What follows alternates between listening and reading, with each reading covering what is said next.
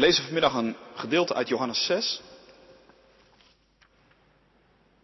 Johannes 6, vers 47 tot en met 59. Jezus heeft brood vermenigvuldigd. En dat roept bij de mensen die dat hebben meegemaakt een heleboel gedachten op. Ook gesprek en discussie zelfs. Een gedeelte daaruit vanmiddag, Johannes 6 vanaf vers 47 dus. Horen wij het woord van God. Waarachtig, zegt Jezus. Ik verzeker u, wie gelooft heeft eeuwig leven. Ik ben het brood dat leven geeft. Uw voorouders hebben in de woestijn manna gegeten en toch zijn ze gestorven. Maar dit is het brood dat uit de hemel is neergedaald. Wie dit eet, sterft niet. Ik ben het levende brood dat uit de hemel is neergedaald. Wanneer iemand dit brood eet, zal hij eeuwig leven. En het brood dat ik zal geven voor het leven van de wereld is mijn lichaam. Nu begonnen de Joden heftig met elkaar te discussiëren. Hoe kan die man ons zijn lichaam te eten geven? Daarop zei Jezus, waarachtig, ik verzeker u, als u het lichaam van de mensen zo niet eet en zijn bloed niet drinkt, hebt u geen leven in u. Wie mijn lichaam eet en mijn bloed drinkt, heeft eeuwig leven en hem zal ik op de laatste dag uit de dood opwekken. Mijn lichaam is het ware voedsel en mijn bloed is de ware drank. Wie mijn lichaam eet en mijn bloed drinkt, blijft in mij en ik blijf in hem. De levende Vader heeft mij gezonden en ik leef door de Vader. Zo zal wie mij eet, leven door mij. Dit is het brood dat uit de hemel is neergedaald. Het is niet het brood dat uw voorouders aten. Zij zijn gestorven, maar wie dit brood eet, zal eeuwig leven. Dit alles zei Jezus in de synagoge van Cafarnaum, toen hij daar onderricht gaf. Woord van God. Ook deze dienst staat in het teken van de serie eh, leerdiensten op de zondagmiddag met als thema aan tafel allerlei aspecten van het heilige avondmaal bespreken we daarin. En net als twee weken geleden wil ik nog een keer stilstaan bij eh, de Heidelbergse catechismus, zondag 30, vraag en antwoord 80. Beetje een berucht vraag en antwoord over het onderscheid tussen het avondmaal en de Eucharistie. In de klassieke versies van de catechismus de paapse mis genoemd. Twee weken geleden stonden we stil bij de vraag of het offer een goede term is om te gebruiken om te begrijpen wat er in het avondmaal allemaal gebeurt. Toen zagen we ook dat de catechismus zich wel een beetje vergalopeert als het gaat om uh, de beschrijving van wat de Rooms-Katholieke Kerk zou leren. Maar niettemin geeft deze tekst ons toch aanleiding om een aantal aspecten ten aanzien van het avondmaal juist heel scherp te krijgen. En het tweede punt, wat, een, uh, wat we de vorige keer hebben laten liggen, en wat in zondag 30 wel heel duidelijk een uh, thema is, dat is eigenlijk de vraag wat er nu eigenlijk wel en niet gebeurt met het brood en de wijn als we avondmaal vieren. Hoe moet je nou tegen die elementen aankijken? Dat is eigenlijk de vraag voor vanmiddag. Wat is het onderscheid tussen het avondmaal en de pauselijke mis, de Eucharistie? Dan zegt de catechismus, het avondmaal des Heren betuigt ons dat wij volledige vergeving van al onze zonden hebben door het enige offer van Jezus Christus, dat Hij zelf eenmaal aan het kruis volbracht heeft. En dat wij door de Heilige Geest worden ingelijfd in Christus, die nu naar zijn menselijke natuur niet op de aarde maar in de hemel is, aan de rechterhand van God zijn Vader, en daar door ons aanbeden wil worden. Maar de mis leert dat de levenden en de doden slechts dan door het lijden van Christus vergeving van zonde hebben, indien Christus nog dagelijks voor hen door de mispriesters geofferd wordt. Wat dus, zagen we twee weken geleden, feitelijk niet klopt. Wat nu klopt, volgt klopt wel. En dat Christus lichamelijk onder de gestalte van brood en wijn aanwezig is. En daarom daarin ook aanbeden moet worden. En daarom, zo trekt de catechismus dan als conclusie, is de mis in de grond der zaak niet anders dan een verloochening van het enige offer en het lijden van Jezus Christus. En een afgoderij. Gemeente van Christus, broeders en zusters, als je avondmaal viert, wat krijg je dan precies in je hand en in je mond? En wat zou er bijvoorbeeld moeten gebeuren met het avondmaalsbrood dat overblijft? Het antwoord op die vraag hangt heel sterk af van degene aan wie je het vraagt. Ooit bezocht ik in Frankrijk een Rooms-Katholieke Eucharistieviering in de stad Besançon. Dat waren een soort oud-gereformeerde katholieken, bleek al snel. De dienst was geheel en al in het Latijn. De priesters bedienden de mis met hun rug naar de gemeente. En de hostie werd met een klein tangetje op de tong van de kerkgangers gelegd. En misdienaars, die de priester, alsof ze zijn schaduw waren, volgden, hielden voortdurend een schaal onder zijn handen. Want stel je voor dat er een hostie zou vallen, dan zou het lichaam van Christus op de grond gevallen zijn. En iets ergers is nauwelijks denkbaar. Overgebleven hostie werd naderhand zorgvuldig opgeborgen in een klein kastje voor in de kerk, het tabernakel genoemd. En overgebleven wijn, immers het bloed van Christus, werd tot de laatste druppel opgedronken door de priester. In schril contrast daarmee herinner ik mij in mijn vorige gemeente een moment waarop de kinderen van de koster zich na de dienst heerlijk te goed deden aan de overgebleven repen wit avondmaalsbrood. Terwijl deelname van kinderen aan de viering zelf niet gebruikelijk was. En op mijn gefronste blik reageerde de koster verontschuldigend. Ja, hij, als zij het niet opeten, dan moet ik het weggooien. Wat moet er gebeuren met overgebleven avondmaalsbrood? Ik ben benieuwd of je over die vraag überhaupt wel eens nagedacht hebt. En wat jouw antwoord zou zijn. In de praktijk blijken christenen daar dus wereldwijd heel verschillend over te denken. En de twee voorbeelden die ik zojuist gaf, die zou je kunnen beschouwen als twee uitersten op een lange, vloeiende lijn. Waarop ook nog allerlei tussen- en middenposities denkbaar zijn. En denk niet dat dit om het even is, want achter al die posities en praktijken in kerken gaan complete werelden schuil en hele wereldbeschouwingen. Je zou daar boeken over vol kunnen schrijven. En dat is dan ook gebeurd. Dat gebeurt al heel lang en het gebeurt nog steeds. Want dit gaat best diep. Deze verschillen van inzicht en beleving. In de praktijk blijken ze zelfs kerkscheidend te zijn.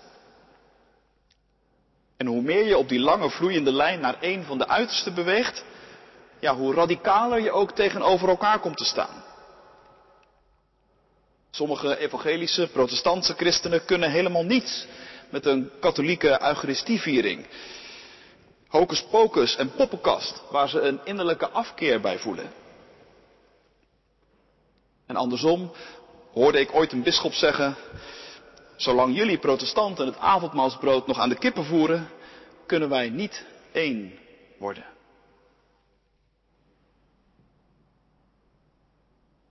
Misschien vraag je je af hoe het ooit zo ver heeft kunnen komen. Dat christenen die allemaal Jezus als hun Heer en Verlosser aanbidden, God als hun Schepper en Vader herkennen en de Heilige Geest als hun Verlosser en Vernieuwer, hoe die zo radicaal tegenover elkaar zijn kunnen komen te staan als het gaat om het avondmaal. Want dat het er radicaal aan toe kan gaan in dit debat, dat laat vanmiddag opnieuw de catechismus zien. Twee weken geleden hadden we het over de vraag hoe passend het is om over het woord offer te spreken als het gaat om het avondmaal. En we zagen hoe scherp de catechismus het woord afwijst, het gebruik van dat woord. En we kwamen ook tot de conclusie dat dat te scherp is in het licht van de hele Bijbel. Maar in deze zondag wordt nog iets radicaal afgewezen. En dat is de gedachte dat Christus, ik citeer, lichamelijk onder de gestalten van brood en wijn aanwezig is, zoals het er staat, en daarom ook daarin, in die tekenen van brood en wijn dus, moet worden aanbeden. Dat laatste Dat slaat op het gebruik om een hostie tentoon te stellen in de kerk als een object van aanbidding. Of wanneer de woorden van de consecratie worden gezegd, het gebed over de gave, dat dan iedereen voelt dat dit een heel heilig moment is. En dat je dan ook knielt.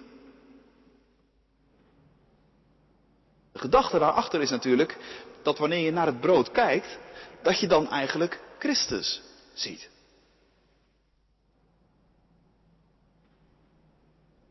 Nou weet ik niet helemaal precies hoe jullie hier zitten vanmiddag, maar ik vermoed dat het voor de meesten toch een wat vreemde gedachte is dat je avondmaalsbrood zou kunnen vereren.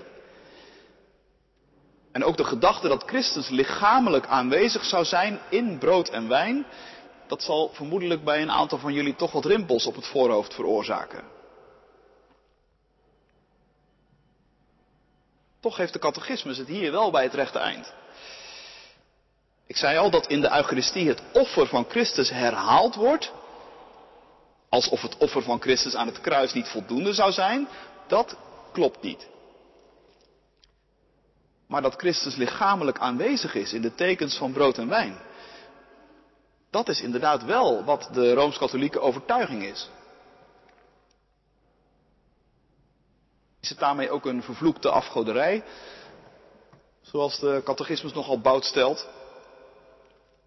Dat is natuurlijk de vraag. Voor een antwoord op die vraag moeten we maar eens teruggaan naar waar de wortels van deze overtuiging vandaan komen. Hoe zijn christenen er ooit toe gekomen om in de tekens van brood en wijn de lichamelijke aanwezigheid van Jezus zelf te zien? Nou, dat is een lang verhaal. Maar de wortels liggen toch wel echt in de Bijbel zelf.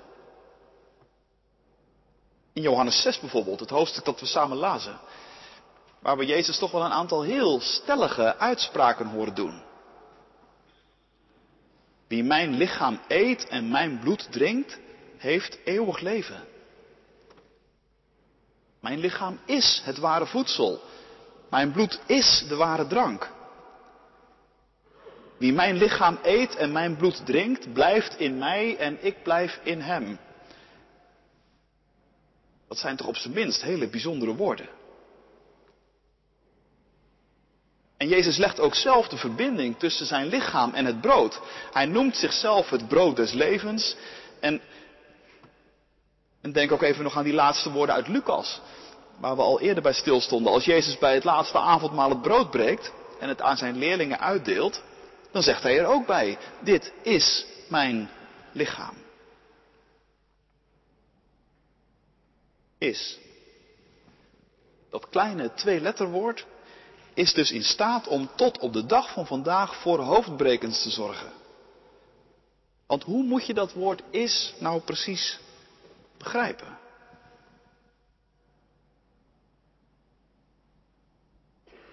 Het aardige is dat de mensen die deze woorden het eerst hoorden, zich dat eigenlijk meteen ook al afvroegen. Jezus' woorden roepen heftige discussies op, lazen we. Hoe kan die man ons zijn lichaam te eten geven, vragen ze zich af. En aan het einde van het stuk trekken de leerlingen een sombere conclusie. Dit zijn harde woorden, zeggen ze. Wie kan hier naar luisteren? En zo lopen er vanuit Johannes 6 twee lijnen de geschiedenis in, die je tot op de dag van vandaag ziet terugkomen. Aan de ene kant is er het geloof dat er in Jezus iets volstrekt unieks gebeurd is. Dat Hij het levende brood is dat bij God vandaan komt naar ons toe. En dat Hij heel anders is dan allerlei andere vormen van brood die wij ook tot ons nemen elke dag. Dat geldt van het manna in de woestijn tot aan jou en mijn dagelijks lunchpakket. Dat eten, daar krijg je hoe dan ook opnieuw honger van. En dat zegt Jezus ook. En ergens anders zegt hij, een mens kan niet van brood alleen leven. Er is meer nodig. Ook brood voor ons hart. Brood dat ons verbindt met onze schepper. Alleen materie, die schiet simpelweg tekort. Ik denk dat onze cultuur dat, dat op dit moment heel levendig laat zien. Aan materie ontbreekt het de meeste van ons niet. Brood en spelen genoeg, zou je kunnen zeggen. Maar bij hoeveel mensen gaat daaronder niet een enorme afgrond? Want brood en spelen zijn niet genoeg. Levend brood, dat hebben we nodig. Geestelijk brood, brood voor ons hart. Dat brood, zegt Jezus, dat ben ik. Dat is dan ook wat de kerk altijd geloofd heeft. En als jij en ik straks opstaan en we zeggen samen de geloofsbeleidenis, dan stemmen we met dat geloof in. En dan wordt het ook ons geloof.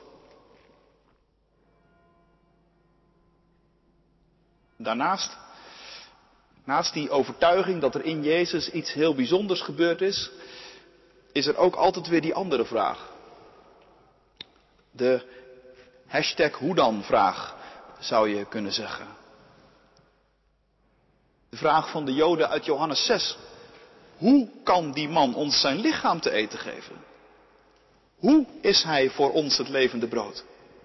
Hoe komen we precies met hem in contact? En de verzuchting van de leerlingen. Wat hij zegt is moeilijk te begrijpen. Het zijn harde woorden. Is het werkelijk de bedoeling dat we het lichaam van Jezus nuttigen?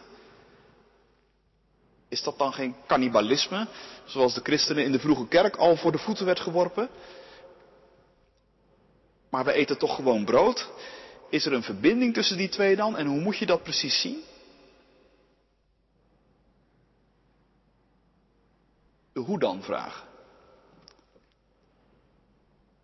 Ik las ergens dat de aandacht voor die vraag in de kerkgeschiedenis groeit ongeveer vanaf de tijd van Augustinus. Dan zitten we dus ongeveer in de vierde eeuw.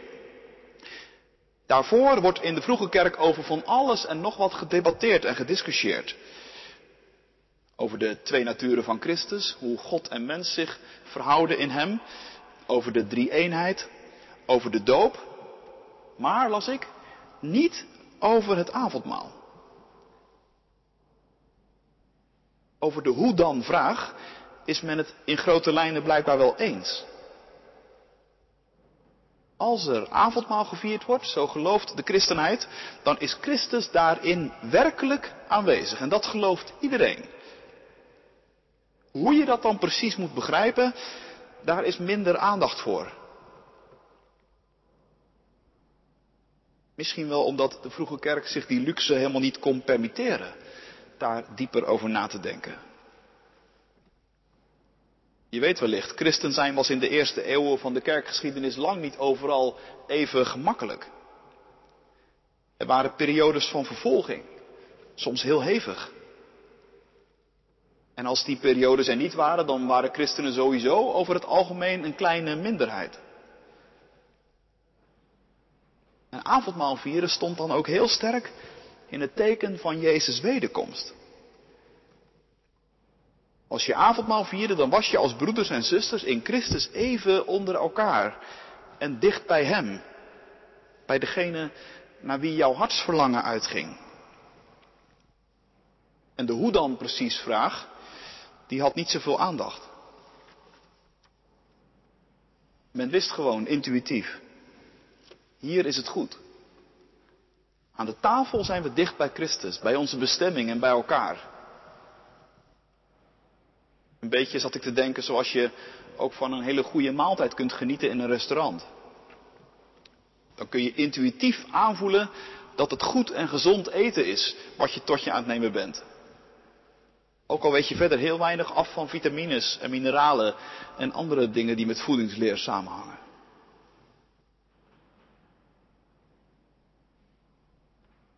Dat kan dus ook. Je hoeft op de hashtag hoe dan vraag niet per se een heel gedetailleerd antwoord te kunnen geven. Om ondertussen toch heel dicht bij Christus te zijn als brood en wijn worden gebroken en vergoten. Maar later wordt dat dus anders. Vanaf Augustinus komt die hoe-vraag steeds meer in de belangstelling. Christus is in de viering van het avondmaal aanwezig. Daarover is nog altijd geen discussie. Maar hoe dan? Daarover gaan de wegen steeds meer uiteen.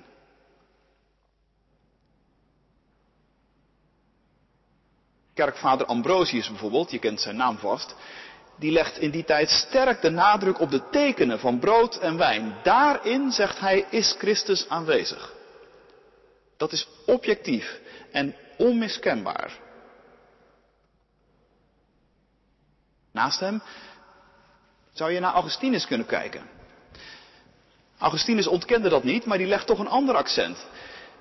Die zegt, we ontvangen Christus door de geest en niet door de buik. Het gaat met andere woorden bij avondmaal vieren ook om het geloof. Christus is aanwezig, ja, misschien ook wel in de tekenen van brood en wijn, maar zeker vooral in het geloof van de mensen en van de gemeente.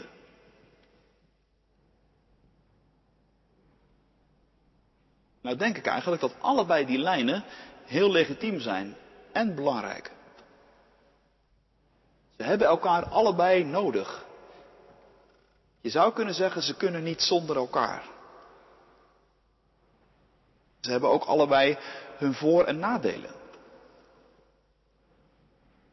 Ambrosius bijvoorbeeld, en de mensen die in zijn spoor gaan, leggen de nadruk op het concrete en op het uitwendige, dat buiten jouzelf ligt. En dat ook waar en betrouwbaar is op de momenten dat jij het helemaal niet zo duidelijk voelt of ervaart. Dan nog is er brood. Dan nog is er wijn. Je kunt het zien. Je kunt het proeven. Zo concreet en zo betrouwbaar wil Christus jou nabij zijn.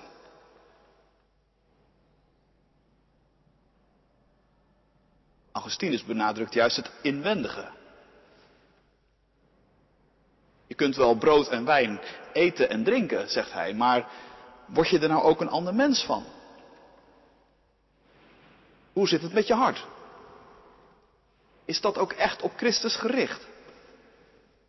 Verlang je ernaar met Hem te leven en je leven met Hem te delen? En je leven naar Zijn geboden in te richten? Raakt jouw innerlijke gezindheid ook meer en meer op Hem gericht?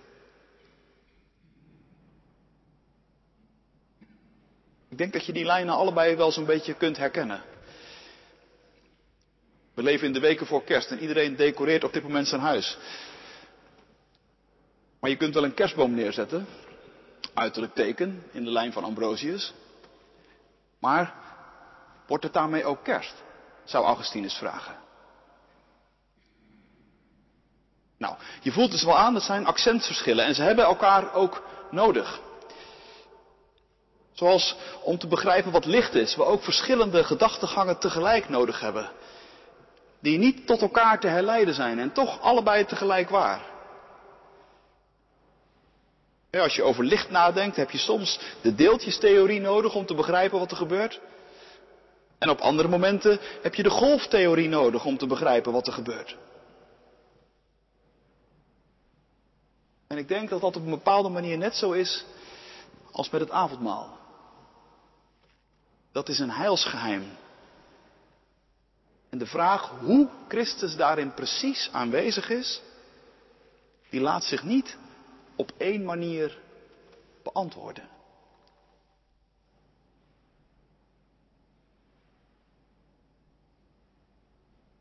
Als je nou de kerkgeschiedenis een beetje kent, dan weet je wel zo ongeveer hoe dat verder gegaan is. De lijn van Ambrosius, met de nadruk op de uiterlijke tekens, werd gaandeweg steeds dominanter. En de gevaren die Augustinus daarin al zag, die werden ook steeds lang, langzaam maar zeker duidelijker zichtbaar.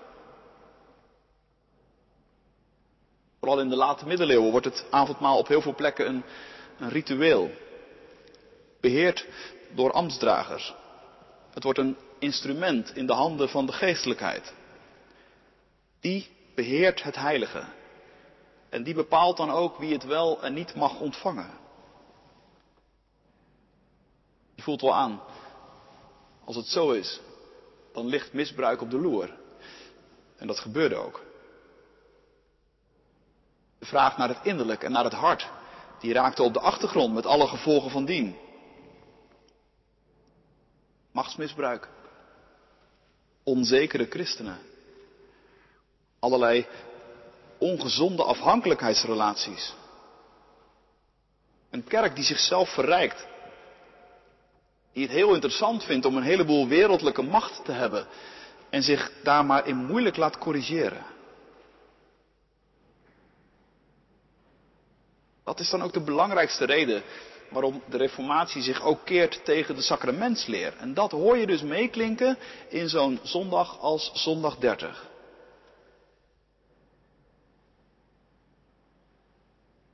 Tegen die achtergrond van de late middeleeuwen komt de Reformatie op voor de vrijheid van God.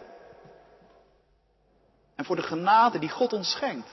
Gratis, om niet. Daar zit niks tussen. En in dat licht wordt door mensen als Luther en Calvijn ook het avondmaal opnieuw doordacht. En wat nou zo fascinerend is, niemand van de reformatoren twijfelt eraan dat Christus in het avondmaal werkelijk aanwezig is.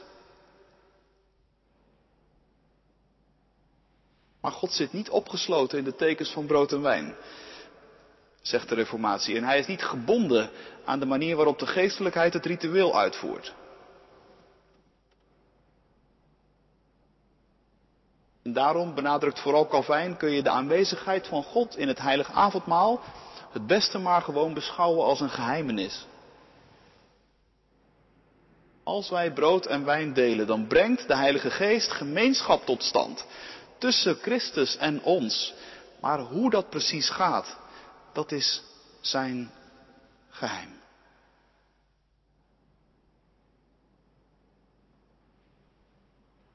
Tot slot. Terug naar de vraag van het begin.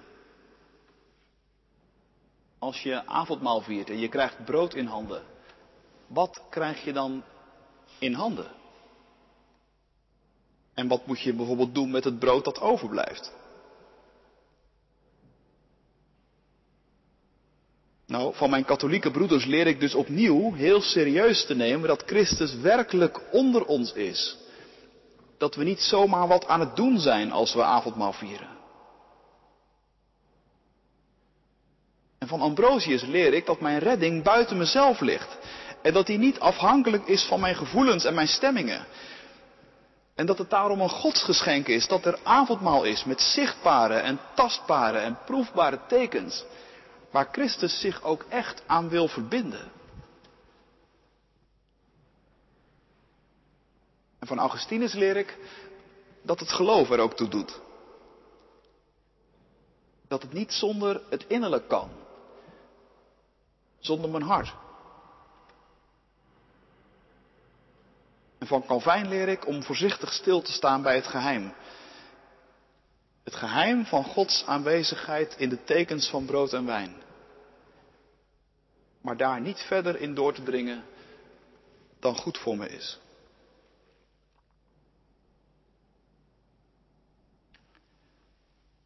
Ik ben dan ook eigenlijk wel blij met wat we sinds een tijdje hier in de Jacobikerk doen, met het avondmaalsbrood dat overblijft. Het brood dat tijdens de viering hier tekendrager geweest is van het lichaam van Christus. Als je beseft dat het in de viering die functie gehad heeft, dan gaat het daarna niet meer zo makkelijk de kliko in of naar de kippen. Maar wat dan? We geven het aan iemand mee en we vragen aan die persoon om het te verwerken in een gerecht. En het in de week daarna te brengen bij iemand die wel een bemoediging kan gebruiken. Zo krijgt het overgebleven brood een diaconale functie, zou je kunnen zeggen. Is dat de beste manier om ermee om te gaan? Ik weet het eerlijk gezegd niet. Voorlopig ben ik er toch wel blij om. Want ik hoop dat je wel aanvoelt dat het geheim van Christus aanwezigheid in brood en wijn zich niet zomaar op formule laat brengen. En niet één manier van omgaan met de tekens van brood en wijn heeft de waarheid helemaal in pacht. Het is meer een soort van hinkelen binnen de lijnen. En de ene tijd vraagt er om een stapje meer naar links te doen. De andere tijd vraagt er om een stapje meer naar rechts te doen. En zo gaat de kerk voort.